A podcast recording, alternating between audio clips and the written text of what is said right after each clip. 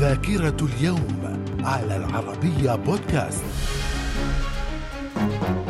أهلا بكم مستمعينا الكرام ومن أحداث هذا اليوم التاسع من أغسطس من العام 1805 زيبولون بايك يبدأ رحلة من سانت لويس لاستكشاف مصب نهر ميسيسيبي. في العام 1896 الطيران الأخير لرائد الطيران الألماني أوتو ليلينتال والذي نجم عنه سقوطه ثم وفاته في اليوم التالي. اندلاع ثورة البراق في مدينة مدينة القدس إبان الانتداب البريطاني اندلعت في التاسع من أغسطس من العام 1929 وفي العام 1942 قوات الاستعمار البريطانية في الهند تعتقل المهاتما غاندي بعد إطلاقه المقاومة السلمية للاحتلال. من الذاكرة. في العام 1945 الولايات المتحدة تسقط قنبلة ذرية أطلق عليها اسم الرجل البدين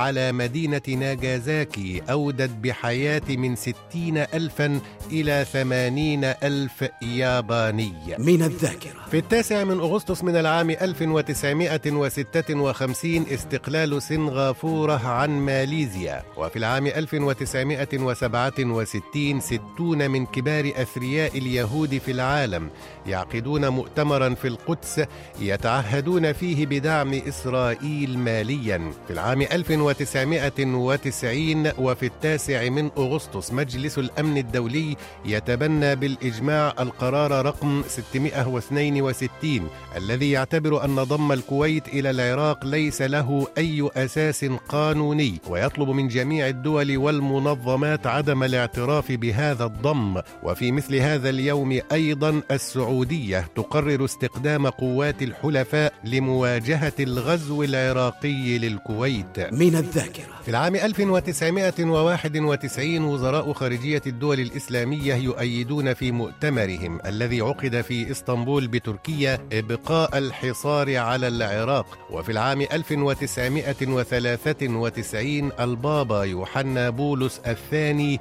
يقدم اعتذارا عن تورط الكاثوليك في تجارة الرقيق في إفريقيا. في التاسع من أغسطس من العام 1999 الرئيس الروسي بوريس يلتسن يقيل رئيس وزرائه سيرجي ستيباشين ويكلف بدلا منه رئيس المخابرات وسكرتير مجلس الأمن القومي فلاديمير بوتين بمهام رئيس الوزراء بالوكالة. في العام 2014 محكمة القضاء الإداري المصرية تحكم بحل حزب الحرية والعدالة الذراع السياسي لجماعة الإخوان المسلمين في مصر. من الذاكرة. في التاسع من أغسطس من العام 1631 ولد جون درايدن الشاعر الإنجليزي كما ولد في العام 1889 إبراهيم المازني الكاتب والأديب المصري. وفي العام 1911 ولد ويليام فاولر عالم الفيزياء الأمريكي الحاصل على جائزة نوبل عام 1983 من الذاكرة. في التاسع من أغسطس من كل عام يحتفل باليوم العالمي للسكان الأصليين في العالم. من الذاكرة. إلى اللقاء.